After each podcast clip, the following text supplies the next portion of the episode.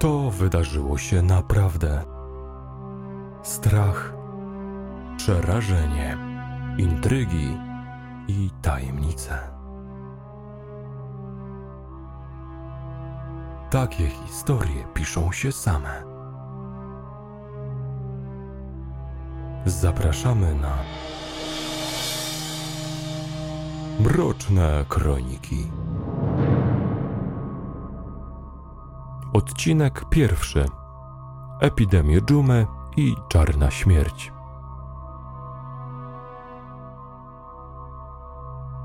Serdecznie zapraszamy do wysłuchania pierwszego odcinka nowego podcastu, w ramach którego zajmować się będziemy tematyką historyczną i omówimy zagadnienia, które zapadają w pamięć w szczególny sposób ze względu na swój mroczny, tajemniczy lub wręcz przerażający klimat.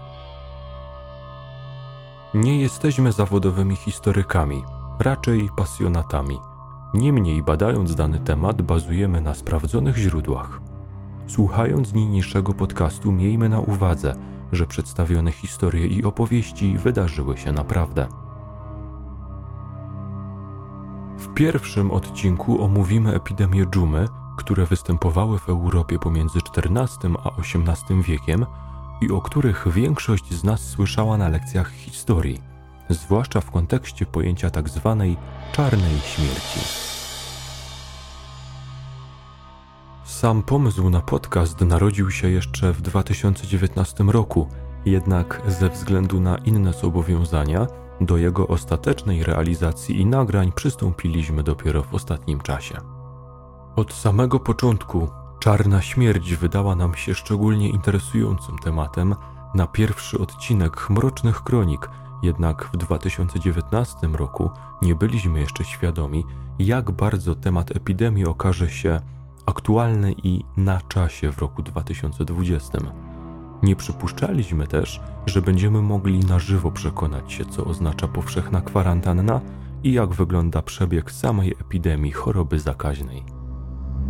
Jak się okazało podczas przygotowywania tekstu niniejszego podcastu, niektóre zachowania ludzkie, sposoby zapobiegania epidemii i radzenia sobie z nią w minionych wiekach były w wielu przypadkach zaskakująco zbieżne i podobne do tego, co obecnie widzimy dookoła siebie, mimo że wydarzenia te dzieli ponad 600 lat.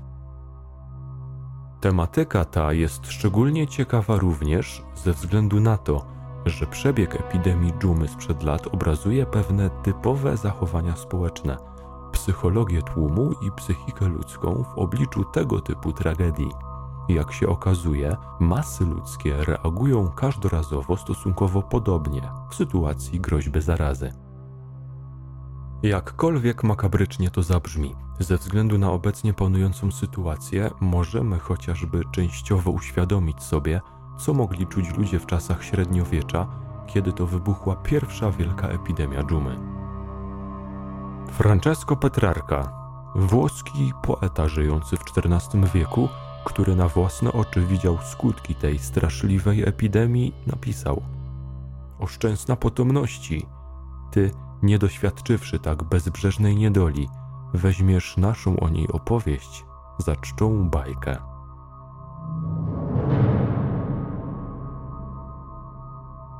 Na początek wyjaśnimy sobie, co rozumiemy powszechnie pod samym pojęciem epidemii czarnej śmierci oraz czym tak naprawdę jest dżuma. Zgodnie z większością badaczy, terminem czarna śmierć określa się epidemię panującą w XIV-wiecznej Europie, której prawdopodobną przyczyną była bakteria, pałeczka dżumy, powodująca wysoce zaraźliwą chorobę dżumę. Kolejne fale epidemii dżumy zwanej przez ówczesnych ludzi morowym powietrzem, morową zarazą lub wielką śmiercią. Pojawiły się na świecie jeszcze w kolejnych stuleciach, jednak najbardziej znaną pod nazwą czarnej śmierci jest epidemia, która wybuchła w połowie XIV wieku w Europie i trwała kilka lat.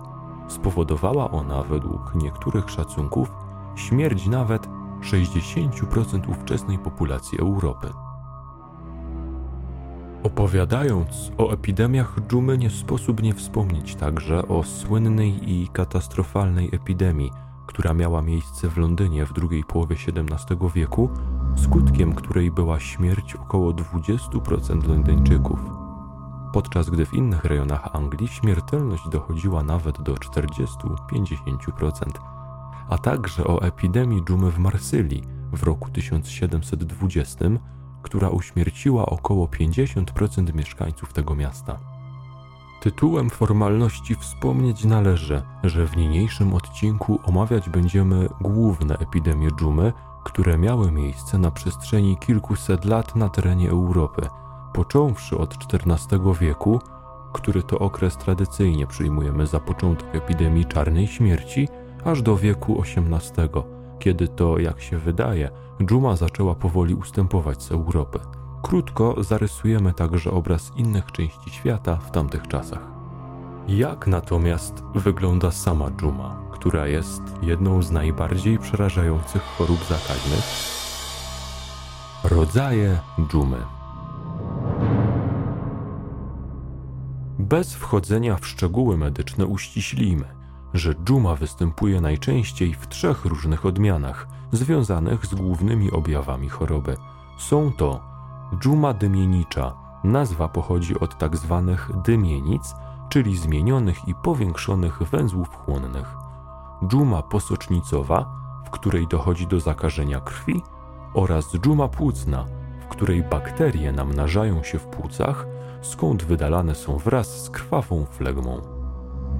Powszechnie przyjmuje się, że prawdopodobnie za straszliwe epidemie dżumy w czasach historycznych odpowiada głównie pierwsza jej postać, to jest dżuma dymienicza.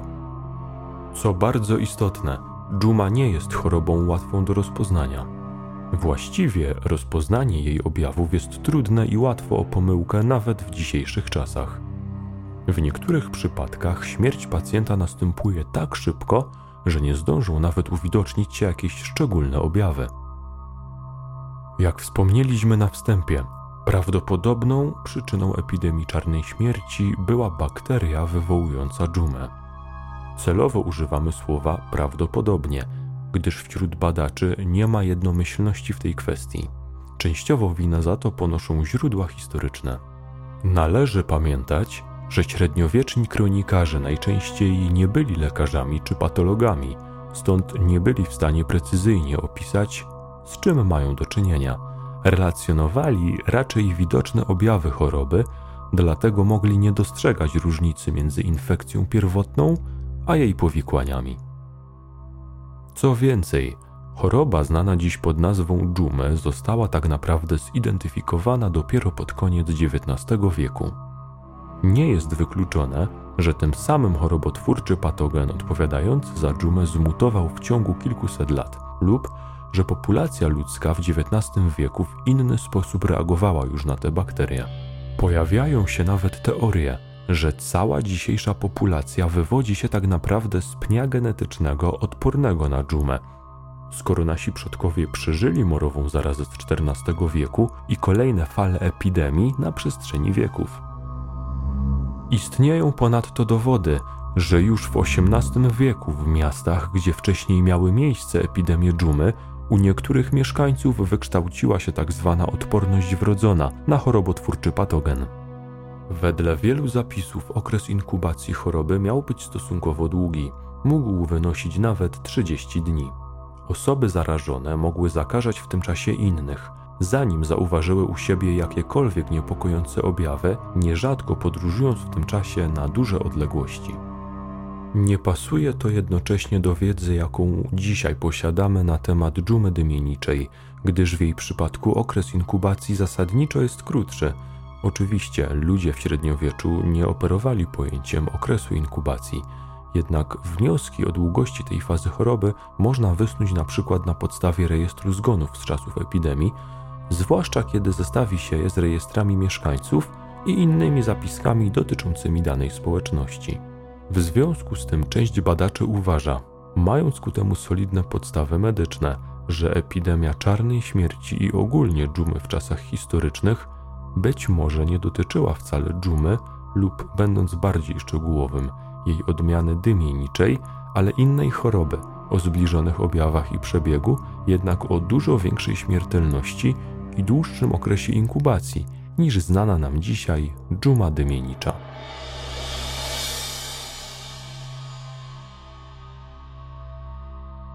Wymienia się tutaj na przykład wąglik, gruźlicę, dur plamisty i dur brzuszny lub inną odmianę dżumy, dużo bardziej zjadliwą i określaną czasem jako wirusowa dżuma krwotoczna, prawdopodobnie bliżej nieznaną nam już w czasach współczesnych, a zbliżoną w przebiegu do wirusa Ebola. Na potrzeby niniejszego podcastu, jako że nie czujemy się wystarczająco kompetentni do rozstrzygania tego typu sporów, mimo wszystko przyjmujemy za większością badaczy, że prawdopodobnie za morową zarazę z czasów średniowiecza i czasów nowożytnych odpowiada dżuma, a konkretnie jej postać dymienicza, gdyż bądź co bądź na tę postać choroby wskazuje większość zapisków historycznych i badań przeprowadzonych w XX wieku. Na to też wskazuje większość objawów zawartych w historycznych opisach kronikarskich. Dżuma, szczury, pchły. Czytając o epidemii czarnej śmierci i dżumie, bardzo często napotyka się na hipotezę, jakoby za epidemię wśród ludzi odpowiadały pchły bytujące pierwotnie na gryzoniach, głównie szczurach. Miałyby one przenosić pałeczkę dżumy na ludzi poprzez ugryzienie lub pośrednio za pośrednictwem pozostawionych przez siebie odchodów. Co jednak ciekawe, wielu badaczy utrzymuje, że pałeczka dżumy bakteria odpowiadająca za tę chorobę może zaatakować ludzi tylko wtedy, gdy bytujące na gryzoniach pchły opuszczą swoich zwykłych żywicieli, a więc na przykład szczury po ich śmierci. Powyższe oznaczałoby, że każdy znaczący wybuch dżumy wśród ludzi powinno poprzedzić masowe wymieranie np. szczurów. O niczym takim nie wspominają zachodni kronikarze, chociaż źródła chińskie i muzułmańskie faktycznie o takim masowym pomorze szczurów czasami nadmieniają. Co ciekawsze, z całą pewnością epidemia dżumy dotarła w średniowieczu także za koło podbiegunowe i na przykład Islandię, o czym wprost wspominają kroniki i o czym będzie jeszcze mowa w dalszej części podcastu. Zachowały się jednak źródła historyczne świadczące o tym, że w tamtych czasach na Islandii nie było żadnych szczurów i trafiły one tam dopiero setki lat później. Jak zatem mogłaby przenosić się tam dżuma, gdyby rzeczywiście za jej rozprzestrzenianie miały odpowiadać wyłącznie szczury i pchły? Biorąc powyższe pod uwagę, część naukowców przyjmuje, że morowa zaraza musiała przenosić się także swobodnie z człowieka na człowieka, bez pośrednictwa insektów. Objawy dżumy. Jakie były typowe objawy dżumy? Po zarażeniu się danej osoby następował okres inkubacji, czyli wylęgania. Następnie pojawiała się u chorego wysoka gorączka, gwałtowne wymioty, zawroty głowy, nadwrażliwość na światło, bóle nerek oraz następowała ogólna dewastacja wnętrzności. Chory stawał się odurzony i odrętwiały, a na skórze często pojawiały się rozlane czerwone plamy, które nazywane były plamami Boga lub znakami Boga. Po dwóch, trzech dniach od ataków gorączki często węzły chłonne raptownie się powiększały, sączyła się ropa i rozmiękały, sprawiając dotkliwy ból choremu. Obrzmiałe węzły chłonne, zwane dymienicami, mogły osiągnąć nawet wielkość jabłka. Wiele ofiar zarazy przejawiało nieugaszone pragnienie. Znane są historie osób, które wybiegały w agonii z domów na ulicę, czasami nawet nago, w poszukiwaniu zbiornika wody lub rzeki i z krzykiem rzucało się do nich. Z tej postaci choroby niewielka część zarażonych zdrowiała, reszta to jest około 70-80% umierała w niewyobrażalnych męczarniach. Co ciekawe, podobno w niektórych przypadkach przed wystąpieniem jakichkolwiek dolegliwości bólowych osoby zarażone wyczuwały w powietrzu wyraźny, słodki zapach lub miały innego typu doznania węchowe. Podobno miało to świadczyć o rozpoczynającym się gniciu narządów wewnętrznych. Jak widzimy, Choroba miała iście przerażający charakter, a same jej objawy były wyjątkowo odpychające. Prowizoryczne sekcje zwłok przeprowadzane natychmiast po śmierci zarażonych w wielu przypadkach uwidaczniały całkowitą degenerację wnętrzności, które pokryte były czarnymi plamami i miały rzekomo wyglądać, jakby zaczęły się rozpuszczać jeszcze za życia chorego. W wieku XVII wierzono, że najgroźniejsze są te przypadki dżumy, które nie objawiały się pojawieniem się dymienic i wrzodów. Jeżeli te jednak się uwidoczniły, a następnie pękały i sączyły ropę, chory miał pewne szanse na przeżycie. Część lekarzy chirurgicznie otwierała wrzody pacjentom, wierząc, że może to spowodować poprawę ich stanu. Ból temu towarzyszący był jednak tak niewyobrażalny, że ludzie najczęściej mdleli lub odchodzili od zmysłów. Wielu badaczy sądzi, że w czasie epidemii czarnej śmierci razem z dżumą dymieniczą występowała miejscami także jej postać płucna, o której była już mowa. W tej postaci choroby po okresie wylęgania dochodziło o dziwo do spadku temperatury zamiast gorączki. Bakterie namnażały się w płucach, powodując ich obrzęk, a chory wydawał z siebie krwawą flegmę podczas kaszlu, kichania oraz mówienia. Po kilku dniach chory zapadał w śpiączkę. 95% zarażonych nie przeżywało tej postaci choroby. Co istotne, potwierdzonym faktem jest, że dżuma płucna mogła przenosić się z człowieka na człowieka nawet bez pośrednictwa insektów, co powodowało, że była szczególnie groźna. W około 5% przypadków dżumy dymieniczej przed śmiercią chorego bakteria docierała do płuc i tym samym przekształcała się w postać płucną dżumy. Krótko należy także wspomnieć o dżumie posocznicowej, w przypadku której bakterie namnażały się we krwi. Ta postać choroby mogła powodować śmierć nawet w pierwszej dobie od zakażenia. Do najczęstszych objawów należała wysypka powodowana wskutek zajęcia naczyń włosowatych. Dżuma posocznicowa występowała jednak prawdopodobnie rzadko, gdyż nosiciel za szybko umierał i nie zdążył zarazić zbyt wielu innych osób. Należy jednak zaznaczyć, że namnożone we krwi bakterie mogły być przenoszone przez ludzkie pchły na innych nosicieli. Pierwsza fala epidemii na wschodzie. Zadajmy sobie w tym miejscu pytanie: czy epidemia dżumy w XIV wieku była pierwszą o takiej skali i czy można uznać, że de facto wtedy dżuma rozpoczęła swój mroczny pochód przez świat? Prawdopodobnie nie.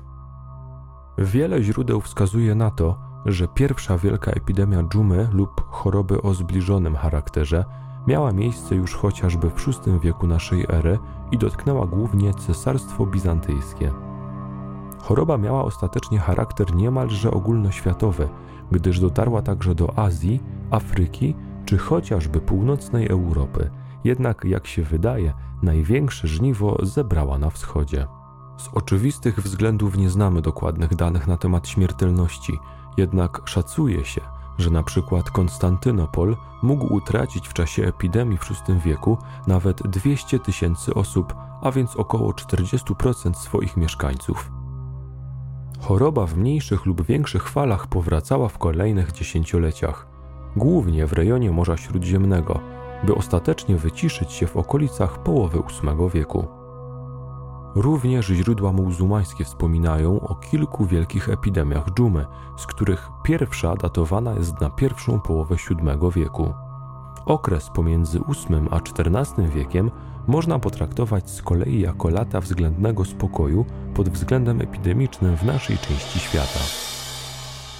Pierwszy rok czarnej śmierci flotylla genueńska. Przejdźmy teraz do roku 1347, który to przyjmuje się jako pierwszy rok wielkiej epidemii czarnej śmierci w Europie. W roku tym flotylla genueńska płynąca z nadmorza Czarnego zawinęła do sycylijskiego portu Messyna, przywożąc ze sobą śmiercionośną zarazę do Europy. Część członków załogi prawdopodobnie zmarła w drodze, a kolejna część miała już poważne objawy dżumy. Genueńczycy ulegli zarażeniu na Krymie w czasie oblężenia Kaffy, czyli dzisiejszej Teodezji przez Tatarów, którzy borykali się z chorobą już rok wcześniej. Zaraza dziesiątkowała Tatarów, którzy następnie zwłoki zmarłych towarzyszy za pomocą katapult przerzucali do oblężonego miasta, licząc, że odór nie do zniesienia zabije obrońców Kaffy. Prawdopodobnie w ten sposób zarażeniu ulegli Genueńczycy będący w mieście. Kronikarze wspominają, że każdy, kto tylko zamienił słowo z członkiem załogi floty przybyłej z Kaffy, od razu ulegał chorobie i w żaden sposób nie mógł uniknąć śmierci. Jak się później okazało, zaraza ostatecznie rozprzestrzeniła się w krótkim czasie z Italii na ogromne połacie Europy i pochłonęła znaczny odsetek jej mieszkańców w ciągu zaledwie kilku następnych lat. Samych praźródeł czarnej śmierci większość badaczy upatruje w Azji Wschodniej, skąd jedwabnym szlakiem dotarła w latach 40. XIV wieku nad Morze Czarne, po drodze wyludniając Indię i Bliski Wschód. Zastanówmy się, jak mieszkańcy średniowiecznej Europy mogli się czuć w obliczu takiego zagrożenia i wszechobecnej śmierci. Świadomości, że dotyka ich straszna choroba, przed którą nie sposób się uchronić i która wyludnia kolejne wsie i miasta. Jak wiemy, Europa w XIV wieku była obszarem głęboko katolickim z przeważającą większością chrześcijan. Dżuma przez ludzi średniowiecza była najczęściej interpretowana jako kara boska. Sięgali oni do Biblii i tam upatrywali widma plag zsyłanych przez Boga na ludzi za ich występki. Było to przyczyną szerzenia się radykalnych poglądów wśród części chrześcijan, wzywających do umartwiania się i pokut za grzechy, co miało spowodować następnie złagodzenie gniewu Bożego i ustąpienie zarazy. Świat muzułmański miał z kolei zupełnie inne podejście do tematu. Wyznawcy islamu co do zasady nie uciekali przed zarazą, gdyż uważali, że skoro Bóg ją zesłał, to i tak człowiek nie ma możliwości się przed nią ustrzec, a więc należy ją przyjąć z radością, gdyż osoby zmarłe na zarazę od razu po śmierci trafiają do raju. Niewątpliwie z perspektywy człowieka współczesnego jest nam ciężko zrozumieć, co mogli czuć ludzie w tamtych czasach na widok szerzącej się zarazy. Ludzie średniowiecza nie mieli pojęcia o bakteriach i wirusach, a także o sposobach szerzenia się moru. Nawet ludzie na tamte czasy wyjątkowo wykształceni nie posiadali nawet części obeznania, jakim dysponuje większość społeczeństwa w XXI wieku za sprawą powszechnej edukacji i dostępu do internetu. Część średniowiecznych badaczy próbowała tłumaczyć wystąpienie epidemii na przykład niekorzystną koniunkcją planet, w co wielu ludzi ostatecznie wierzyło. Na marginesie wspomnijmy, że niektórzy lekarze uważali wtedy, iż zarazę można bezbłędnie rozpoznać po wyjątkowo cuchnącym oddechu osoby chorej. Pojawiły się także interesujące metody rozpoznawania osób zarażonych przez chuchanie na szkło, gdzie miały następnie być widoczne znaki w postaci różnych stworów, demonów i smoków, które to miały rzekomo być obecne w ciałach i krwi ludzi chorych i odpowiadać za przenoszone choroby. Niewątpliwie zaraza w XIV wieku musiała wywołać ogromne przerażenie i zwątpienie, zwłaszcza gdy weźmiemy pod uwagę, że w wielu rejonach epidemii nie przeżył de facto co drugi człowiek. Szarlatani i oszuści. Niektórzy ludzie próbowali dorabiać się na tej powszechnej niewiedzy i strachu postronnego ludu jako że ówczesna medycyna i lekarze niezbyt skutecznie radzili sobie z opanowaniem epidemii dżumy i leczeniem ludzi, którzy na nią zachorowali, gdyż po prostu nie istniało lekarstwo na dżumę, źródła historyczne często wspominają o pojawiających się cudownych medykamentach, mających niejako chronić przed zarazą, na których dorabiali się mniejsi lub więksi szarlatani i oszuści, a które oczywiście w żaden sposób nie pomagały, a niejednokrotnie okazywały się wręcz truciznami. Podstawowymi składnikami tych medykamentów były często rozmaryn, cebula, ocet winny, piołun, czy też na przykład różnego rodzaju opiaty. Wielu medyków doradzało także na przykład amulety zawierające arszenik, cynę lub rtęć, jak również mikstury zawierające jad skorpiona czy ropuchę. Remedia te miały działać na zasadzie wyciągania choroby z człowieka, amulet zawierający jad miał wyciągnąć zarazę z ciała ludzkiego. Inne popularne medykamenty bazowały na przykład na sproszkowanych końskich kopytach, oczach i szczypcach kraba, kaczym smalcu, sadzy, rozgniecionych skorpionach i tego typu kuriozalnych składnikach. Wszechobecny strach spowodował także zdobycie posłuchu wśród ludzi poprzez różnego rodzaju fałszywych proroków czy fanatyków religijnych szerzących treści apokaliptyczne. Ludność zwracała się także oczywiście o pomoc do księży, którzy jako przyczynę choroby najczęściej wskazywali gniew Boży lub na przykład karę za grzechy. Co więcej, miało chodzić nie o grzechy popełnione przez konkretne osoby, ale przez społeczeństwo jako ogół. Zaraza miała być karą boską za szerzące się powszechne herezje, czy na przykład wszechobecne zepsucie i rozpustę. Przyczyny epidemii.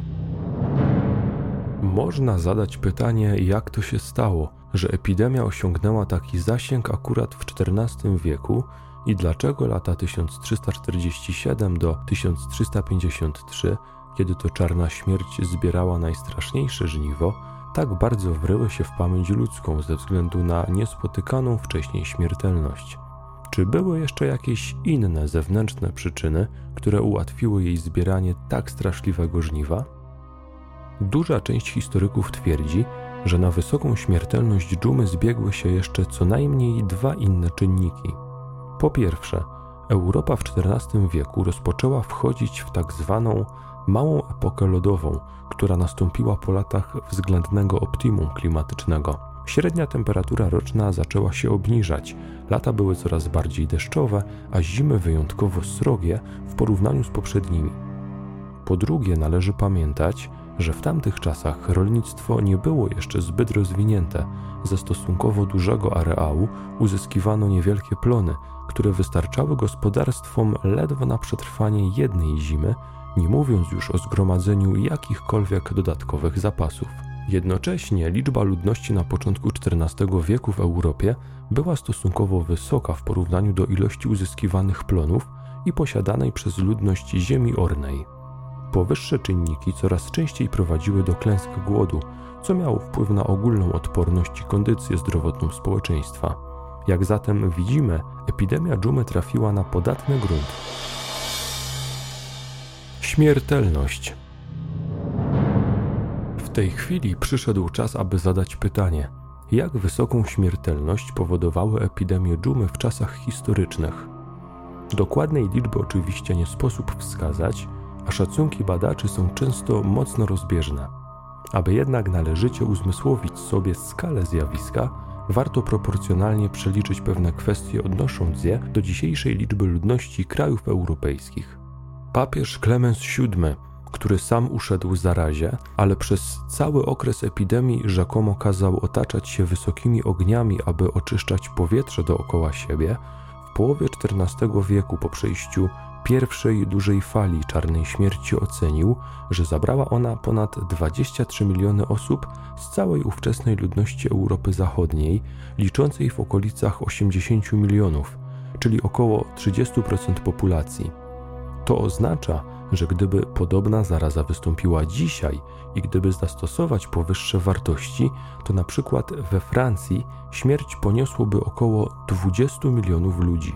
W Polsce zmarłoby z powodu zarazy około 12 milionów ludzi w ciągu powiedzmy 2-3 lat. Pamiętać musimy jednak o tym, że rzeczywista śmiertelność była prawdopodobnie nawet wyższa od oficjalnie podawanych wtedy danych. Jak już o tym wspomnieliśmy, często śmierć w czasie epidemii następowała szybko, bez widocznych objawów u pacjenta, stąd zgony te nie były rejestrowane jako spowodowane dżumą. Po drugie, Wiele miast ukrywało dane o rzeczywistej skali epidemii, obawiając się izolacji na arenie krajowej i całkowitego załamania handlu. Co więcej, także zwykli ludzie często nie informowali władz o prawdziwej przyczynie śmierci swoich bliskich, obawiając się obowiązkowej kwarantanny, ostracyzmu społecznego, czy chociażby nie chcąc, aby ich bliscy byli pochowani w zbiorowych mogiłach jako anonimowe ofiary morowej zarazy. Żydzi kwakrzy czy anabaptyści często odmawiali ponadto wpisywania swoich zmarłych na dżumę do oficjalnego rejestru kościelnego. Śmiertelność była różna w zależności od rejonu Europy. Przykładowo, Wenecja doznała wyjątkowo ciężkich strat. W latach 1347-49 zmarło tam blisko 100 tysięcy osób, czyli około 60% mieszkańców miasta. W Awinionie czy na przykład Londynie zmarła połowa mieszkańców. W Hamburgu czy Wiedniu niektóre źródła wskazują na śmiertelność na poziomie 50%, a czasem wspomina się nawet o blisko 70% śmiertelności w Norwegii, gdzie zaraza dotarła w okolicach 1350 roku. Powtórzmy, w Norwegii zmarło prawdopodobnie 70% mieszkańców w krótkim czasie, a kraj ten był wtedy stosunkowo słabo zaludniony. Na Bliskim Wschodzie zmarło około 1 trzeciej populacji, z kolei w Egipcie 40% ludności. Wiemy również, że zaraza dotarła za koło podbiegunowe, w okolice Morza Białego, grasowała również na Islandii, gdzie spowodowała tak straszliwą śmiertelność, że ludność otrząsała się z tej tragedii i odbudowywała struktury społeczne przez blisko 500 kolejnych lat. Aby jeszcze bardziej uzmysłowić sobie skalę zjawiska i niesamowitej śmiertelności, posłużmy się pewnym przykładem przytoczonym w jednej z książek opowiadających o epidemii czarnej śmierci. Mianowicie, w czasie jednej z fal zarazy w Londynie w krótkim czasie zmarło prawdopodobnie około 20 tysięcy osób. W ciągu dwóch miesięcy, od lutego do kwietnia 1348 roku, na jednym tylko cmentarzu londyńskim pogrzebano ponad 2000 zwłok, co oznacza, że średnio każdego dnia odbywało się ponad 30 pogrzebów. Biorąc pod uwagę długość wiosennego dnia w Londynie, oznacza to, że pogrzeb odbywał się średnio co 20 minut. Oczywiście nie tylko Londyn doświadczył tego typu obrazów. W wielu miastach zwłok było tak dużo, że zaczęło brakować miejsca na cmentarzach. Papież poświęcił nawet Rodan, rzekę płynącą przez Szwajcarię i Francję, aby można było do niej wrzucać zmarłych. Nigdy wcześniej ani później nie spotkano się z niczym podobnym. W danym rejonie geograficznym, dajmy na to średniej wielkości mieście, epidemia dżumy trwała najczęściej od 8 do 10 miesięcy, z czego największe nasilenie przypadało zawsze na miesiące letnie. W zimie choroba ulegała wycofaniu lub wręcz całkowicie zanikała. Wielu kronikarzy wspominało o tym, że miasta pełne były płaczu, lamentu i krzyków bólu. Płakali chorzy, cierpiący niewyobrażalne katusze, Płakali członkowie rodzin za zmarłymi bliskimi, płakali wszyscy w obawie przed śmiercią. W takiej sytuacji nie może budzić zdziwienia przekonanie ówczesnej ludności o wszechobecnej śmierci i nagminnie pojawiające się we wszystkich dziedzinach sztuki motywy śmierci, szkieletów i trupów. Zapewne wszystkim nam doskonale znany jest z lekcji historii tak zwany motyw dance macabre, to właśnie epidemia czarnej śmierci zapoczątkowała tę tematykę i skutkowała ogromną ilością obrazów i rycin przedstawiających na przykład szkielety i demony poruszające się wśród pracujących ludzi i zabierających ich ze sobą do grobu. Wyobraźmy sobie, jak bardzo ówczesna ludność musiała być przerażona, jeśli de facto co drugi lub co trzeci członek rodziny, przyjaciel czy sąsiad umierał w męczarniach na przerażającą chorobę, której przyczyn nie znano, a której objawy wywoływały powszechne obrzydzenie. Żywi nie nadążali podobno z grzebaniem zmarłych, a psy roznosiły i zjadały ludzkie zwłoki leżące na ulicach. Porównajmy to z sytuacją, która obecnie panuje na świecie w roku pańskim 2020, gdy oficjalna śmiertelność na chorobę COVID-19 wynosi w zależności od źródła w okolicach co najwyżej kilku procent, a duża część osób ma jedynie łagodne objawy, zbliżone do znanej każdemu grypy czy przeziębienia. Wyobraźmy sobie teraz, o ile większy strach i obawy musieli odczuwać ludzie w obliczu epidemii czarnej śmierci. Oczywiście kolejne fale morowej zarazy, te następujące już w czasach nowożytnych, były równie przerażające, powodując śmiertelność najczęściej na zbliżonym poziomie, o czym będzie mowa jeszcze w dalszej części niniejszego podcastu. Krótko wspomnijmy tylko w tym miejscu tytułem przykładu że na przykład w angielskim Yorku w czasie epidemii w roku 1551 zmarła prawdopodobnie połowa mieszkańców miasta, a w roku 1656 w Neapolu i jego okolicach zmarło ponad 60% mieszkańców. Mimo upływu wielu lat i pokoleń oraz prawdopodobnie częściowej odporności ludzi i mutacji patogenu, epidemia dżumy zawsze była tak samo przerażająca dla ludzi, którzy się z nią borykali. Zaraza dotykała zarówno zwykłych, prostych ludzi, jak i możnych oraz bogatych. Z zachowanych źródeł kościelnych wiemy, że gdy zaraza dosięgła północnej Anglii, w jednej tylko diecezji York zmarło ponad 40% księży, w tym wielu dostojników kościelnych, także arcybiskup. W większości przypadków, jak się jednak wydaje, śmiertelność wśród ludzi możnych była niższa niż wśród biedoty z jednego prostego powodu. Ludzi bogatych stać było na ucieczkę z zakażonego rejonu i przeczekanie zarazy na przykład w swoich letnich posiadłościach odosobnionych na wsiach czy w lasach lub też w innej części kraju niedotkniętej jeszcze zarazą. Z tego powodu dżuma była czasem nazywana chorobą biedaków, gdyż ludzie niezamożni zapadali na nią po prostu częściej. Częściej też umierali, gdyż pozbawieni byli jakiejkolwiek, choćby podstawowej opieki medycznej i zaopatrzenia. Zarazę przenosili na innych ludzi jednak wszyscy bez wyjątku, bardzo często nieświadomie, przez co ludzie ogólnie bali się rozmawiać z obcymi. Na terenie basenu Morza Śródziemnego zarażali nie tylko podróżujący pieszo czy konno, ale także pasażerowie statków handlowych. W niektórych portach śmiertelność była tak ogromna, że martwe ciała pływały przy brzegu. Cypr został tak mocno dotknięty zarazą, że w pewnym momencie mieszkańcy wyspy zebrali wszystkich niewolników oraz więźniów i dokonali na nich rzezi, bojąc się, że muzułmańscy niewolnicy mogliby przejąć kontrolę nad wyspą po śmierci lub ucieczce wielu chrześcijan. Jak widać, miejscami zaraza powodowała kompletne załamanie ładu społecznego i de facto istniejącej cywilizacji, i to wcale nie na skutek samego zachorowania na dżumę. Masowa umieralność ludności spowodowała także niejako zniknięcie niektórych rzemiosł i zawodów, gdyż najzwyczajniej w świecie nikt już w danym rejonie nie wykonywał danej pracy. Z kolei inne zawody były w tym czasie szczególnie potrzebne, a ludzi do ich wykonywania brakowało.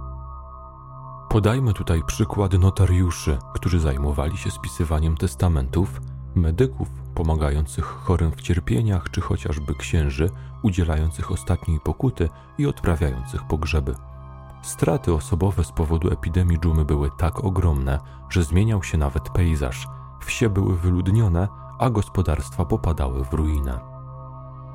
W roku 1420 natykano się na wilki tuż pod Paryżem, podczas gdy nie były one tam widywane od ponad wieku, kiedy to wycofały się daleko na północ od miasta z powodu postępującej urbanizacji. Znikały nie tylko podstawowe zawody na skutek śmierci, na przykład wszystkich piekarzy w danym mieście, ale także zawody urzędnicze, które były nieobsadzone, często także na skutek ucieczki urzędników na wieś. Źródła wspominają, że nawet sędziowie porzucali wszelkie zasady, nikt nie pilnował w mieście porządku, następowały masowe kradzieże i włamania do domów bogatych ludzi. Jeden z kronikarzy wspominał, że na skutek kompletnego załamania handlu i ucieczki możnych, niedostatek i nędza osiągnęły niespotykany wcześniej rozmiar, a ulice wprost zapełnione były głodnymi żebrakami. Uciekinierzy z zarażonych miast traktowani byli gorzej niż zbrodniarze. Nikt nie chciał ich przyjąć, wyrzucano ich z przydrożnych zajazdów. Obawiano się ich niemalże tak mocno jak samej śmierci. Ludzie ci oczywiście mieli ze sobą często mnóstwo pieniędzy, tak jakby posiadany majątek mógł ochronić ich przed zarazą. Osoby postronne w wielu przypadkach nie gardziły tymi dobrami i znalazły sposób na ograbienie zmarłego uciekiniera, tak aby w jak najmniejszym stopniu ryzykować zakażenie. Trupy takich nieznajomych były następnie porzucane lub chowane byle gdzie, na polach i w lasach, a do tego byle jak. Każdy starał się jak najmniej ryzykować, więc zwłoki były na przykład popychane gałęziami do płytkich dołów i następnie z daleka przysypywane ziemią. Nikt nie wie już dzisiaj, Ile tak naprawdę bezimiennych mogił można by znaleźć w lasach i na bezdrożach, gdyby sięgnąć dostatecznie głęboko, a które to groby chowają w sobie ofiary czarnej śmierci? W momencie wybuchu zarazy w danym rejonie zatrudnienie, a wraz z nim płace ulegały załamaniu. Biedota bez pracy zmuszona była podejmować się najbardziej niebezpiecznych prac, takich jak na przykład pilnowanie zarażonych domów, chowanie zmarłych, opieka nad chorymi czy kopanie grobów. Oczywiście byli to ludzie całkowicie nieprzeszkoleni, łatwo zatem wyobrazić sobie, że na przykład poziom opieki pielęgniarskiej nie stał na wysokim poziomie i że zajmowały się tym osoby delikatnie mówiąc niekompetentne. Co ciekawe, nigdy nie brakowało ludzi do tego typu pracy, mimo że śmiertelność w tych profesjach była ogromna. Jak się wydaje, widmo śmierci głodowej było dla ludzi jeszcze bardziej przerażające niż śmierć z powodu dżumy. W tym miejscu należy zadać pytanie, czy ludzie średniowiecznej Europy biernie czekali na śmierć w obliczu szerzącej się zarazy? Oczywiście nie. Wspomnieliśmy już o masowych ucieczkach na wieś czy do lasów. Zachowały się ponadto dane historyczne świadczące o szeroko zakrojonych akcjach społecznych i państwowych mających na celu opanowanie epidemii. Jak już wspomnieliśmy, na przestrzeni wieków epidemia czarnej śmierci w Europie wracała wielokrotnie co kilka, kilkadziesiąt lat.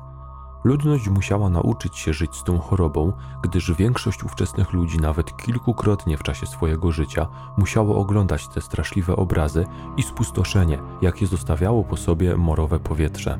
Zwłaszcza, że w niektórych rejonach choroba powracała falami.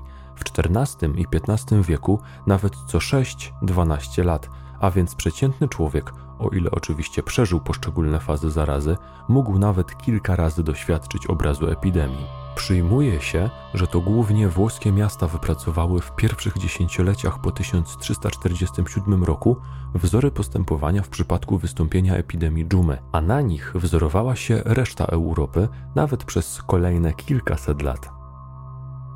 Oczywiście, w różnym zakresie stosowano się do tych zasad w różnych krajach, jednak przykładowo na początku XVIII wieku panowało powszechne przeświadczenie, że Włochy są krajem najściślejszego nadzoru nad zdrowiem, z kolei największą nonszalancję w tym zakresie miała wykazywać Anglia. Jakie to były działania? Po pierwsze, starano się hamować rozprzestrzenianie się choroby, ograniczając mobilność ludzi i wydając w tym celu stosowne zarządzenia. Szeroko wprowadzono instytucję kwarantanny, co świadczy o tym, że ludzie na swój sposób pojmowali, że choroba ma charakter zakaźny. Kwarantanna polegała ówcześnie na tym, że osoby podejrzane o bycie chorymi lub przyjeżdżające z zarażonego rejonu zamykano we własnych domach lub kierowano do specjalnych miejsc odosobnienia, często nawet na 40 dni, Notabene, samo słowo kwarantanna wywodzi się z języka łacińskiego i oznacza właśnie 40 dni, a sam pomysł tego typu izolacji powstał w konsekwencji epidemii czarnej śmierci. Miejscami takimi były na przykład specjalne lazarety lub wydzielone miejsca poza murami miejskimi.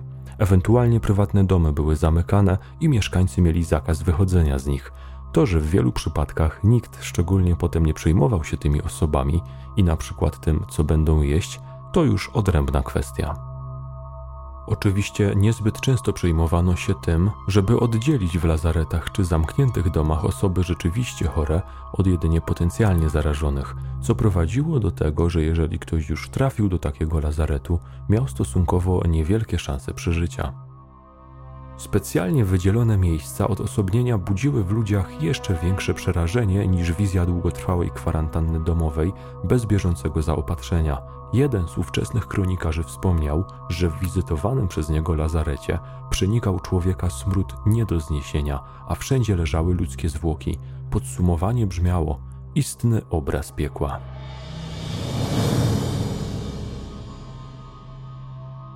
Zasady kwarantanny nie były jednakowe we wszystkich krajach. Przykładowo na terenie Niderlandów zezwalano osobom przybywającym na kwarantannie na krótkie spacery pod warunkiem, że będą chodzić z białymi laskami w ręku, co miało z daleka ostrzegać osoby postronne o potencjalnym zakażeniu takiej osoby. Także domy poddane kwarantannie były często specjalnie oznaczane, na przykład poprzez znakowanie ich wiązką słomy, a specjalni strażnicy miejscy mieli pilnować, aby nikt do takich domów nie wchodził i ich nie opuszczał. Coraz szerzej wprowadzano również między innymi zakazy sprzedaży mebli i odzieży ofiar dżumy. Czasami nakazywano wręcz palenie poza miastem odzieży i posłania osób zarażonych. Miasta zatrudniały całe rzesze medyków i pracowników najemnych, zwanych na przykład krukami, z powodu charakterystycznych masek w kształcie dzioba ptaka i czarnych ubrań, które zapewne większość z nas kojarzy z rycin historycznych. Miały one nie tylko na celu ochronę tych pracowników, ale także odstraszanie osób postronnych na skutek przerażającego i rzucającego się z daleka w oczy stroju, gdyż były to osoby szczególnie narażone na zakażenie. Stroje te wprowadzane zostały do użytku jednak stosunkowo późno, gdyż prawdopodobnie dopiero w XVII wieku. Ciekawe i stosunkowo postępowe były metody stosowane w celu uniknięcia zarażenia przy płaceniu za zakupione towary. Zachowały się zapiski świadczące o tym, że na przykład na terenie Anglii za dostawy płacono wrzucając monety do wydrążonych kamieni zawierających na przykład ocet czy ropę. Dopiero po zanurzeniu monet w płynie kontrahent odbierał umówioną zapłatę. Kamienie te zwane były czasami kamieniami dżumowymi i zachowały się nawet do naszych czasów, a ich zadaniem była prowizoryczna dezynfekcja monet. Włodarze miejscy często powoływali specjalne komitety czy rady do spraw zdrowia, w których zasiadali miejscowi dostojnicy i wysocy rangą urzędnicy – tego typu organy przyczyniły się do rozpropagowania poglądu, zgodnie z którym choroba mogła przenosić się z człowieka na człowieka lub nawet za pośrednictwem przedmiotów materialnych. Powyższe spowodowało na przykład wprowadzenie świadectw zdrowia, które stanowiły swego rodzaju przepustki i potwierdzenie, że dana osoba ani nie jest chora, ani nie pochodzi z zarażonego rejonu. Dokumenty te były nieodzowne, aby odbyć jakąkolwiek podróż w czasach szalejącej zarazy. Były one weryfikowane przed przekroczeniem bram danego miasta. Jeśli dana osoba posiadała świadectwo zdrowia, najczęściej stosowano wobec niej tylko kilkudniową kwarantannę. Jeśli takiego świadectwa nie posiadała, zmuszona była odbyć pełną, jak już wspomnieliśmy, często nawet 40-dniową kwarantannę w miejscu odosobnienia. Władze wielu miast, oprócz wyżej wymienionych obostrzeń, wprowadzały także liczne ograniczenia w wykonywaniu poszczególnych zawodów, szczególnie tych, które kojarzyły się ludziom ze smrodem, nieczystościami itd. Tak i które postrzegano jako sprzyjające rozwijaniu się zarazy. Mamy tu na myśli głównie rzeźników, grabarzy czy kuśnierzy. Oczywiście również handel został znacząco ograniczony. Poruszanie się między miastami było znacząco utrudnione lub wręcz niemożliwe. Powyższe działania doprowadziły wielu ludzi do bankructwa, a czasem wręcz śmierci głodowej. W tamtych czasach prowadzono już czasem rejestry zgonów. Szczegółowo sprawdzano, kto zmarł na dżumę, a kto z innych przyczyn. Wiele miast wprowadziło obowiązek zapisywania przy danych osoby zmarłej przyczyny zgonu, a w niektórych rejonach Europy istniał prawny obowiązek oznaczenia ofiary zarazy, chociażby poprzez dopisanie odpowiedniej litery przy nazwisku ofiary zarazy. Na przykład w Anglii była to litera P od słowa pest. Dzisiaj te dane statystyczne dostarczają nam nieocenionej wiedzy na temat przebiegu epidemii dżumy w poszczególnych rejonach Europy, a w tamtych czasach pozwalały niejako z wyprzedzeniem przewidzieć zbliżającą się kolejną falę zarazy, nawet jeśli zwykli ludzie dookoła siebie nie dostrzegali jeszcze zbyt wielu jej symptomów. Zaznaczmy, że w wielu rejonach Europy wprowadzono zasadę, zgodnie z którą pogrzeby osób zmarłych na dżumę mogły odbywać się tylko wieczorami i nocami, tak aby w pochodach żałobnych uczestniczyło jak najmniej osób. Każdy z wymienionych wyżej elementów opisywanego systemu zapobiegania epidemii był oczywiście ściśle kontrolowany przez ówczesnych urzędników. Co więcej, niejednokrotnie władze miast lub władze państwowe wykorzystywały epidemię do pogłębiania kontroli nad społeczeństwem i wydawania zarządzeń, które nierzadko miały niewiele wspólnego z samą zarazą.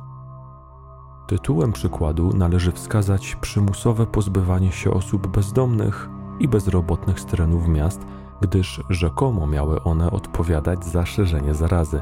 Jak się okazywało, często był to jedynie pretekst do rozprawienia się z tego typu jednostkami i zaprowadzenia subiektywnie rozumianego porządku w mieście. Ówczesna ludność, aby ustrzec miasto przed epidemią, próbowała także działań z dzisiejszego punktu widzenia, powiedzmy sobie, nieracjonalnych. Zanim jednak wydamy o społeczeństwie średniowiecznym jednoznaczny osąd, zanotujmy, że w tamtych czasach nikt nie potrafił w sposób logiczny i jednoznaczny wyjaśnić przyczyn tak straszliwej śmiertelności. Jakie to były działania? Otóż niejednokrotnie zdarzało się, że winą za szerzenie się epidemii obarczano określoną niezbyt lubianą grupę społeczną, co prowadziło często do wygnania tej ludności z miasta lub wręcz do jej pogromu, co miało przynieść koniec epidemii i zapobieżenie kolejnym zarażeniom. O jakich grupach społecznych mowa? W pierwszej kolejności byli to obcokrajowcy, ludzie ubodzy, trędowaci czy bezdomni – jednak często byli to także Żydzi, prostytutki, homoseksualiści lub też po prostu mniejszości narodowe czy etniczne. Oczywiście po wypędzeniu lub zabiciu takich ludzi pojawiły się kwestie rozdysponowania ich majątku, co skwapliwie wykorzystywały władze ówczesnych miast. Tytułem przykładu należy podać, że niektóre miasta odgórnymi zarządzeniami wyrzucały Żydów, zanim jeszcze dżuma w danym rejonie wybuchła, co miało mieć niejako charakter prewencyjny. Takie działania nastąpiły na przykład w Strasburgu, gdzie Żydów spalono żywcem, Norymberdze, Augsburgu czy Frankfurcie. Następnie wydawano specjalne prawa dotyczące podziału mienia żydowskiego po likwidacji getta. Czy prosty lud bezkrytycznie przyjmował wyżej wymienione działania władz miejskich, wszechobecną kontrolę i stosowane ograniczenia? Nie. Ludzie sprzeciwiali się ograniczeniom w handlu i codziennym życiu, zakazom przemieszczania się, nie zgadzali się na zasady kwarantanny i nachodzenie ich w domach przez urzędników sprawdzających, czy doszło do zakażenia, na zamykanie sklepów i zakładów rzemieślniczych.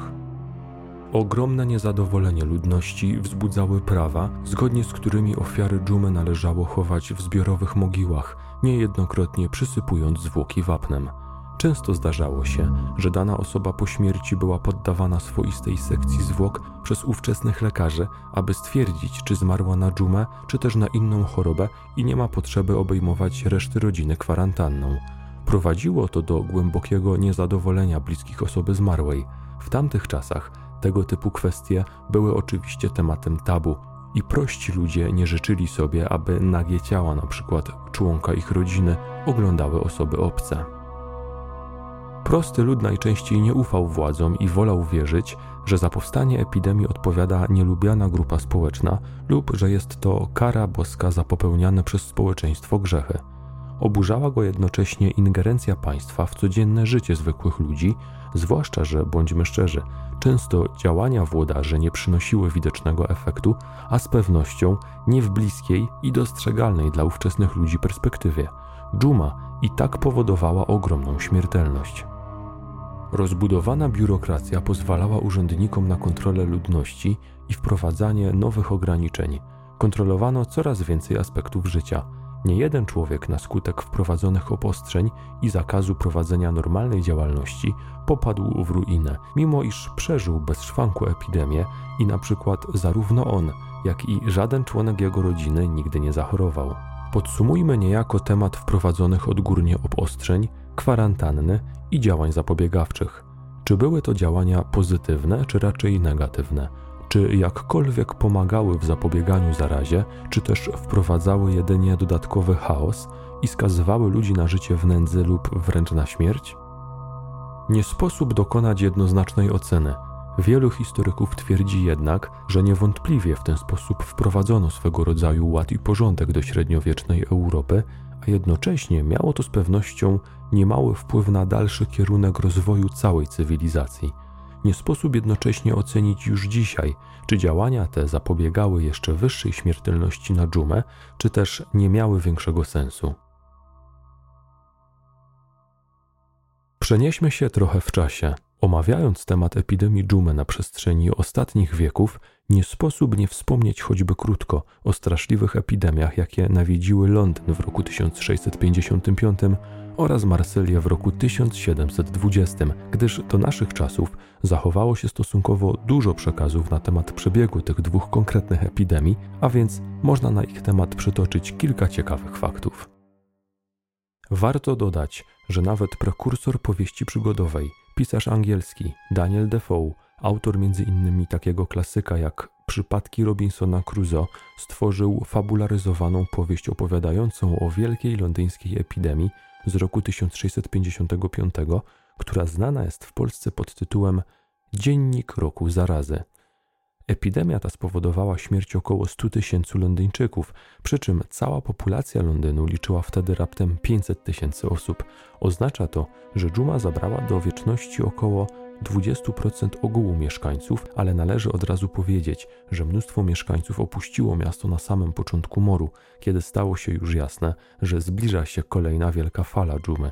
Gdyby wszyscy w mieście pozostali, z pewnością rzeczywista śmiertelność byłaby zdecydowanie wyższa.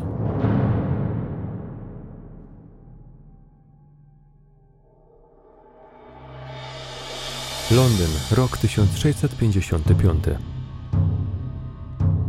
Choroba pojawiła się w mieście w kwietniu tego roku, kiedy to ujawniły się pierwsze potwierdzone przypadki zachorowań. W maju było ich już tyle, że część ludności miasta zaczęła podejrzewać, że zbliża się kolejna wielka fala dżumy. Życie codzienne toczyło się jeszcze jednak w miarę normalnie. Sytuacja dramatycznie pogorszyła się w kolejnym miesiącu, a reakcją władz na niechybnie zbliżającą się zarazę było zamknięcie szkół, wszelkich miejsc publicznej rozrywki czy też sądów. Ponadto zaczęto stosować kwarantannę domową. Jak bardzo klimat tych dni musiał przypominać atmosferę panującą na przełomie marca i kwietnia 2020 roku, na przykład w Polsce?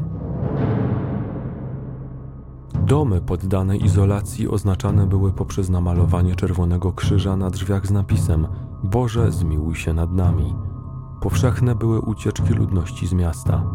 Oczywiście kompletnemu załamaniu uległ handel i ruch w interesach. Brakowało ludzi do chowania zmarłych, więc ogromne masy zwłok były istotnym problemem do rozwiązania dla władz miasta. Wiele niezabudowanych nieruchomości przeobraziło się ostatecznie w prowizoryczne cmentarze, gdyż dotychczasowe miejsca pochówku były po jakimś czasie już całkowicie zapełnione. Co ciekawe, te doraźne miejsca pochówku po ustąpieniu epidemii nierzadko były ponownie wykorzystywane, na przykład w celu budowy nowych osiedli, co wydaje się szczególnie przerażające, zwłaszcza, że nowa ludność napływowa mogła nie zdawać sobie sprawy, że pod fundamentami ich domów de facto leżą tysiące ludzkich kości. Jeden z bezpośrednich świadków epidemii londyńskiej zanotował, że dało się zauważyć zmianę w zachowaniu mieszkańców miasta. Ludzie stali się okrutni i bezwzględni, nie tylko wobec obcych. Matki porzucały swoje dzieci, synowie nie chcieli opiekować się ojcami i pozostawiali ich na pastwę losu.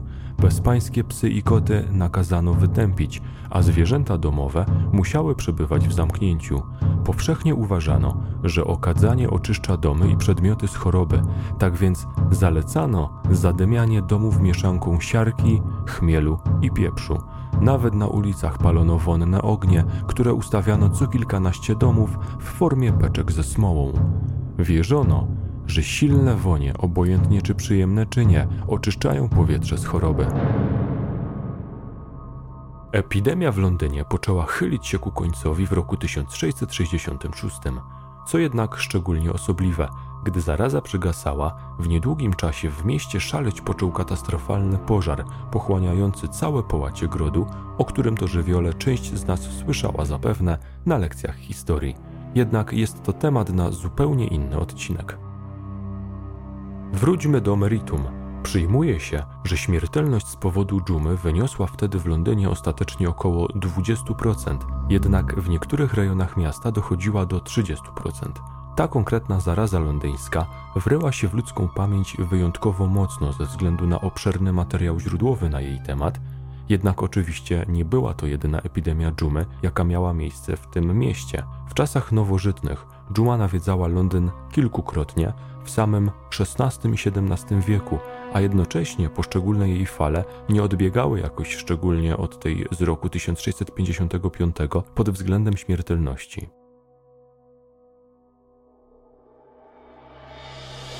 Marsylia, rok 1720. Miasto to w tamtym czasie było ogromnym portem morskim. Jak się za chwilę okaże, zaraza w Marsylii okazała się nawet jeszcze bardziej makabryczna niż wielka zaraza w Londynie. Co jednak istotne, była to ostatnia tak duża epidemia dżumy w Europie. Morowe powietrze na zakończenie pokazało, do czego może doprowadzić w sprzyjających rozwojowi choroby warunkach, uśmiercając w krótkim czasie blisko 50% mieszkańców Marsylii. Miasta, które generalnie było na nawrót epidemii przygotowane, gdyż miało z nią do czynienia wielokrotnie w przeszłości. Oczywiście, podobnie jak miało to miejsce w Londynie, całe tłumy uciekły z miasta po pierwszych tygodniach od pojawienia się wieści o dżumie, stąd śmiertelność na poziomie 50% z dużą dozą prawdopodobieństwa jest zaniżona i była w rzeczywistości wyższa wśród osób, które pozostały w mieście. Zaraza wtargnęła do Marsylii w maju 1720 roku. Władze miasta jednak starały się trzymać to w tajemnicy w obawie przed powszechną kwarantanną, odcięciem miasta i aby zapobiec masowym ucieczkom ludności. Wysuwano bagatelizujące problem tezy, które wskazywały, że nie jest to dżuma, a inna choroba zakaźna. Niektórzy twierdzili nawet, że za zgony odpowiada tak zwana gnilna gorączka, spowodowana zjedzeniem zepsutych i przejrzałych owoców, gdyż większość pacjentów umierała w trzecim dniu od wystąpienia objawów choroby, a wkrótce po ich zgonach z każdego otworu w zwłokach wychodziło robactwo. Wspominamy o tym celowo, gdyż jak się wydaje, nie był to pogląd odosobniony, Powyższe daje jako takie pojęcie o wiedzy medycznej ówczesnych ludzi, a raczej o jej braku, oczywiście patrząc z perspektywy współczesnego człowieka. Przypomnijmy tutaj, że mówimy teraz o roku 1720, a nie o XIV wieku, kiedy to epidemia czarnej śmierci po raz pierwszy szalała w Europie. W sierpniu sytuacja była już na tyle dramatyczna, że całe miasto objęte zostało kwarantanną. Załamały się dostawy zboża i piekarze nie mieli z czego przyrządzać pieczywa. Zagrożenie chorobą, w dalszym ciągu oficjalnie niezdiagnozowaną oraz wkradający się powoli głód spowodowały rozruchy uliczne. Władze miasta wpadły wtedy na rozwiązanie problemu dostaw zboża. Poczęto organizować targi zbożowe i rybne poza miastem, które funkcjonowały w ten sposób, że dostawcy spoza Marsylii przywozili swoje towary i kładli je na oznaczonym terenie – a w tym czasie mieszkańcy Marsylii oczekiwali za barierami. Potem następowała zmiana i Marsylczycy mogli zbierać pozostawione poprzednio towary. Powyższe odsunęło od miasta widmo głodu, ale braki w jadłospisie i tak były powszechne. Część lekarzy stworzyła wymyślne metody leczenia wobec pacjentów. Przykładowo aplikowano im najpierw specjalne środki na pobudzenie wymiotów, następnie nakazywano przyjmować ogromne ilości herbaty i ogólnie płynów, a na koniec przechodzono do środków przeczyszczających. Miało to oczywiście oczyścić organizm z choroby wszelkimi dostępnymi drogami, a w rzeczywistości prowadziło do skrajnego odwodnienia i wyczerpania organizmu, co tylko pogarszało stan ludzi chorych. Inni lekarze stosowali metodę polegającą na nacinaniu owrzodzeń i dymienic pojawiających się na ciele pacjenta, co miało doprowadzić do wypływu ropy i uzdrowienia. Oczywiście raczej niewiele to pomagało, a jedynie potęgowało dolegliwości bólowe. Władze miasta, podobnie jak miało to miejsce w Londynie w 1655 roku, podjęły również decyzję o stosowaniu powszechnego okazania ulic. W sierpniu 1720 sytuacja była iście dramatyczna. Miasto otoczono szczelnym kordonem sanitarnym uniemożliwiającym skuteczne ucieczki ludności. Ludzi zmarłych chowano w masowych mogiłach, które jednak wkrótce przestały wystarczać, stąd podjęto decyzję o wyrzucaniu trupów do licznych krypt i podziemi świątyń i kościołów. Zostały one następnie zamurowane, zaryglowane i zacementowane na czas nieokreślony. Powszechne były zgony z powodu epidemii, a także wszechobecna nędza i głód, jęk gonających i wyczuwalny w powietrzu strach, jak notowali to ówcześni mieszkańcy. Powszechne były wstrząsające widoki, jako że duża część zadżumionych pragnęła przed śmiercią opuścić dom, żeby zaczerpnąć powietrza czy napić się wody. Padali oni następnie na ulicach, a osoby postronne bały się do nich podejść. Ciała zmarłych i konających pokrywały ulice. Sterty trupów były ogromne. Ciężar zwłok leżących na górze miażdżył te położone niżej, co prowadziło do ich szybkiego rozkładu i wydobywania się niewyobrażalnego fetoru. Dzienna liczba zgonów zbliżała się do tysiąca w mieście liczącym przed epidemią łącznie 100 tysięcy mieszkańców. Oczywiście nie wszystkie zejścia następowały z powodu dżumy. Część ludzi umierała, gdyż nie miał im kto udzielić pomocy w innych dolegliwościach. Brakowało lekarzy i położnych. Kobiety umierały w połogu. Czasem razem z zarażonymi noworodkami, a czasem samotnie, pozostawiając niemowlęta na pewną śmierć głodową. Wraz z nadejściem jesieni epidemia poczęła stopniowo wygasać. Do miasta wracała względna normalność. Ludzie nadal starali się jednak zachowywać ostrożność, na przykład poprzez noszenie ze sobą długich drewnianych żerdzi, zwanych czasem kijami świętego Rocha, co miało pomóc w utrzymaniu odpowiedniego dystansu od innych osób. Święty Roch uważany jest za patrona chroniącego od zarazy. Co szczególnie osobliwe, jednym ze skutków zarazy był powszechny pęd do zawierania małżeństw. Ci, którzy przeżyli epidemię, zaczęli się szybko bogacić, mając do dyspozycji lepsze posagi i odziedziczone majątki. Jednocześnie młodzi ludzie, pozbawieni rodzicielskiej kontroli, również dalece swobodniej mogli decydować o swoim losie i za mąż pójściu. Ludzie ruszyli tłumnie do ołtarzy, miasto wymagało jednak od nowożeńców zaświadczeń o zdrowiu. Zaraza marsylska była jedną z najstraszniejszych epidemii morowego powietrza. W przeciągu raptem pół roku choroba wybiła połowę mieszkańców ludnego jak na tamte czasy miasta. Jak się jednak okazało, był to ostatni tak duży i znaczący epizod epidemii dżumy w Europie. Powyższe nie oznacza jednak, że choroba całkowicie wtedy wygasła. Przez kolejne lata atakowała Europę nieprzerwanie, jednak prawdopodobnie już nie na taką skalę. Przykładowo, na Półwyspie Bałkańskim była obecna na początku XIX wieku, gdzie dotarła mimo szczególnie ostrej izolacji wprowadzonej przez państwa Europy Środkowej, kiedy to granic strzegły uzbrojone wojska i gdzie strzelano bez litości do każdego, kto próbował się prześlizgnąć niepostrzeżenie.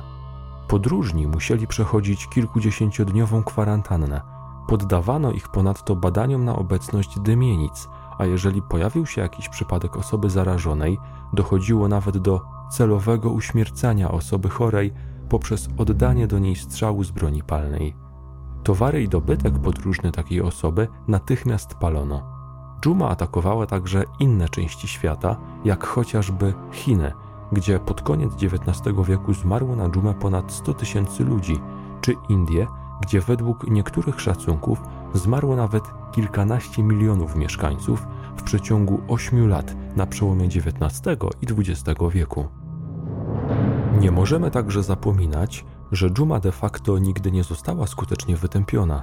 Dzięki licznym badaniom udało się opracować leki umożliwiające prowadzenie skutecznej terapii, umożliwiające przeżycie i wyzdrowienie, ale mimo to dżuma nadal okazyjnie występuje, przykład w Indiach, Chinach czy amerykańskich górach skalistych, choć na szczęście są to pojedyncze przypadki, a zgony są stosunkowo rzadkie. Zainteresowanych współczesnymi postaciami dżumy odsyłamy do odpowiedniej literatury.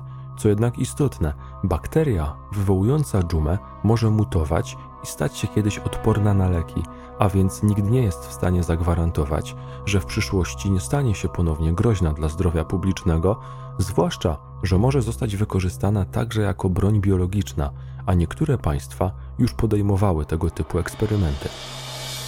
Co ciekawe, nie dalej jak kilka tygodni temu media poinformowały o pojedynczych przypadkach dżumy w Mongolii, gdzie ludzie zarazili się nią od gryzoni. Czas pokaże, czy ognisko to udało się skutecznie odizolować i zapobiec szerszej epidemii. Na zakończenie podcastu musimy zadać sobie pewne niezwykle ważne pytanie. Mianowicie, jak wiemy, dżuma wraz z każdą kolejną falą powodowała śmierć całych mas ludzkich, co przekładało się na niezliczone ludzkie tragedie. Jakie były jednak dalekosiężne skutki licznych epidemii mających miejsce na przestrzeni wieków? Jak zmienił się świat i znana nam cywilizacja na skutek przejścia tak śmiercionośnej zarazy? Wielu badaczy sądzi, że na przykład w XVI wieku przez 80 lat populacja Europy stale malała, lub stała w miejscu w związku ze straszliwą śmiertelnością spowodowaną morową zarazą. Gdyby złośliwa fala epidemii trwała dłużej, mogłaby nawet doprowadzić do zagłady naszej cywilizacji. Zastanówmy się jednocześnie, jak wiele znakomitych osobistości, przyszłych wynalazców, naukowców czy literatów zmarło na dżumę i nie miało w związku z tym możliwości przekazać niczego społeczeństwu. Na jakim etapie rozwoju byłaby dzisiejsza cywilizacja, gdyby nie katastrofalne epidemie dżumy? Przykładowo, William Shakespeare prawdopodobnie jedynie cudem uniknął śmierci na dżumę, gdyż kiedy był niemowlęciem, zaraza szalała w Anglii. Na jego szczęście matka w ostatniej chwili przed nadejściem dużej fali zdążyła go wywieźć na bardziej bezpieczne tereny. Nie sposób w dzisiejszym odcinku wymienić wszystkich następstw i konsekwencji czarnej śmierci oraz kolejnych epidemii dżumy. Przytoczymy jednak krótko niektóre z teorii i hipotez pojawiających się wśród badaczy. Po pierwsze, ubytek siły roboczej prawdopodobnie zapoczątkował innowacje techniczne i rozwój wynalazków oszczędzających ludziom czas i wysiłek. Także upadek systemu feudalnego być może został przyspieszony na skutek zarazy, kiedy to ludność wiejska porzucała gospodarstwa, gdzie nie miał już kto pracować i przenosiła się po przejściu fali dżumy do miast. Mniejszy popyt na zboża mógł zapoczątkować zmiany w strukturze rolnej poprzez przejście od upraw do hodowli zwierząt czy produkcji wełny. Część badaczy sądzi wręcz, że epidemia spowodowała szybsze nadejście epoki renesansu i koniec tzw. Tak ciemnych wieków średniowiecza. Niewątpliwie Zaraza zapoczątkowała także szereg prześladowań, kiedy to masy ludzkie szukały kozłów ofiarnych winnych rozprzestrzeniania się moru. Wszelkie odmienności, wszelkie mniejszości religijne, etniczne czy też po prostu obcy przybysze byli piętnowani, a nierzadko wręcz wypędzani z miast lub mówiąc wprost mordowani, pod pretekstem zatruwania studni czy przenoszenia zarazy. No i na koniec, nie zapomnijmy, że epidemia dżumy odcisnęła tak duże piętno w pamięci masowej zachodniej Europy, że po dziś dzień większość z nas ze swego rodzaju trwogą, ale i zaciekawieniem słucha historii o sławnej epidemii czarnej śmierci, a słowo dżuma przywołuje u wielu z nas przerażające obrazy w wyobraźni. Niewątpliwie miało to wpływ na rozwój całej naszej kultury być może także na psychologię tłumu i mas ludzkich w obliczu innych epidemii, jak chociażby w obecnym czasie, kiedy zmagamy się z wirusem powodującym COVID-19. Dlaczego akurat epidemia dżumy i hasło czarna śmierć są tak sławne i popularne w kulturze masowej? Również inne choroby zakaźne grasujące w poprzednich stuleciach uśmierciły mnóstwo ludzi, a w niektórych rejonach świata wcale nie mniej niż dżuma. Mowa tutaj na przykład o ospie, która zwłaszcza na kontynencie amerykańskim zebrała srogie żniwo, po tym jak została tam zawleczona przez europejskich najeźdźców, a w samej Europie niemalże każdego roku zbierała do wieczności szereg dzieci. Dżuma wzbudzała szczególne przerażenie nie tylko ze względu na swoją straszliwą śmiertelność, ale także ze względu na okropne objawy, śmierć następującą w męczarniach, a przede wszystkim ze względu na swoją nieprzewidywalność i wyjątkową zjadliwość. Potrafiła pozostawać w uśpieniu przez wiele lat, jednak kiedy już pojawiła się na danym terytorium, w ciągu zaledwie kilku miesięcy dosłownie dziesiątkowała okoliczną ludność. Inne choroby zakaźne, jak na przykład wspomniana ospa czy gruźlica, prawdopodobnie w świadomości ówczesnych ludzi były mniej przerażające ze względu na ich względną obecność przez cały czas w życiu człowieka i jego otoczeniu. Ludzie nauczyli się żyć z tymi chorobami. Dżuma zawsze czaiła się gdzieś z tyłu, po to, żeby pojawić się kompletnie niespodziewanie i do góry nogami przewrócić życie danej społeczności, zabierając ze sobą całe rodziny, wsie i miasta. Dziękujemy za uwagę i zapraszamy na kolejny odcinek.